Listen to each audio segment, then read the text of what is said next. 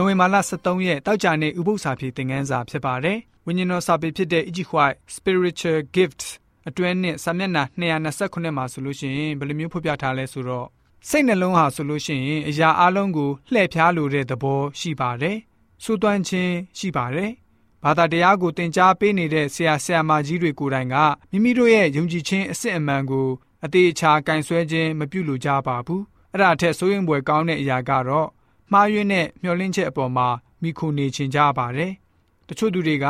နှစ်ပေါင်းများစွာဖြတ်တန်းလာခဲ့တဲ့အတွေ့အကြုံပေါ်မှာမိခိုအားထားတက်ကြပါတယ်။သို့တော်လည်းပဲစိတ်ရှိလက်ရှိလေ့လာရတဲ့အချိန်ပြီးတော့နေ့စဉ်အတွေ့အကြုံနဲ့နှိုင်းယှဉ်လာရတဲ့အချိန်မှာရှေးလွန်ခဲ့တဲ့အတွေ့အကြုံတွေနဲ့ပတ်သက်မှုမရှိနိုင်တော့ပါဘူး။အလွန်တရာမှပင်မှန်တယ်လို့ထင်တဲ့အရာတွေဟာသူတို့ကိုကဲတင်မယ်လို့ယုံကြည်ကြပါတယ်။ ဖျားသခင်မုန်းတော်မူတဲ့အပြစ်တွေကိုယေရှုရှင်ဟာဆင်းလာပြီးတော့ဖျက်ဆီးပစ်မှာဖြစ်ပါတယ်။သင်ဟာဖျားရှင်ထံကနေခွန်အားကိုရယူပြီးတော့ဖျားရှင်နဲ့အမြဲကြီးရင်သွားဖို့ဖြစ်ပါတယ်။တန်ရှင်းတဲ့အောင်မြင်ခြင်းကိုရရှိပိုင်ဆိုင်နိုင်ပါလိမ့်မယ်။ဒါကြောင့်ယေရှုရှင်အားဖြင့်ကျွန်တော်တို့ကိုအောင်မြင်ခြင်းအခွင့်ပေးတဲ့ဖျားသခင်ဟာ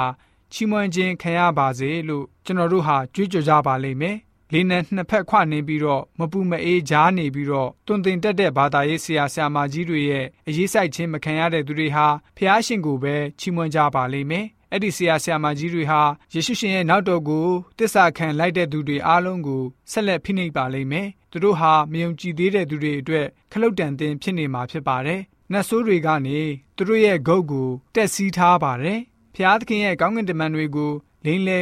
ကောက်ကွေ့တဲ့သင်ငန်းစာတွေနဲ့ဆန့်ကျင်ကြပါလိမ့်မယ်။အဲ့လိုကျင်ချင်းတွေဟာဆိုရင်ပြည်တွင်းပြည်ပအရက်ရက်မှာရိုက်ခတ်သွားမှာဖြစ်ပါတယ်။ရှာပြားကလေးနဲ့သူတို့ဟာဖះရှင်နဲ့နီးကပ်ပါတယ်လို့ဟန်ဆောင်ပြီးတော့စိတ်နှလုံးကတော့ဖះရှင်နဲ့အဝေးကိုထွက်သွားနေလျက်ရှိပါတယ်ဆိုပြီးတော့ဝိညာဉ်တော်စာပေဖော်ပြချက်အဖြစ်တောက်ချာနေဥပု္ပ္ပစာပြေသင်ငန်းစာကဖော်ပြထားပါတယ်ဥပု္ပ္ပစာပြေသင်ငန်းစာခုနှစ်ကတော့ဒီလောက်ပဲဖြစ်ပါတယ် ဥပု္ပ္ပစာပြေအစီအစဉ်တစ်ဆက်သူကျွန်တော်ဆက်စားပါကျမ်းတော်သူရောက်စီတိုင်းဝိညာဉ်ခွန်အားနဲ့ပြေဝကြပါစေကျေးဇူးတင်ပါတယ်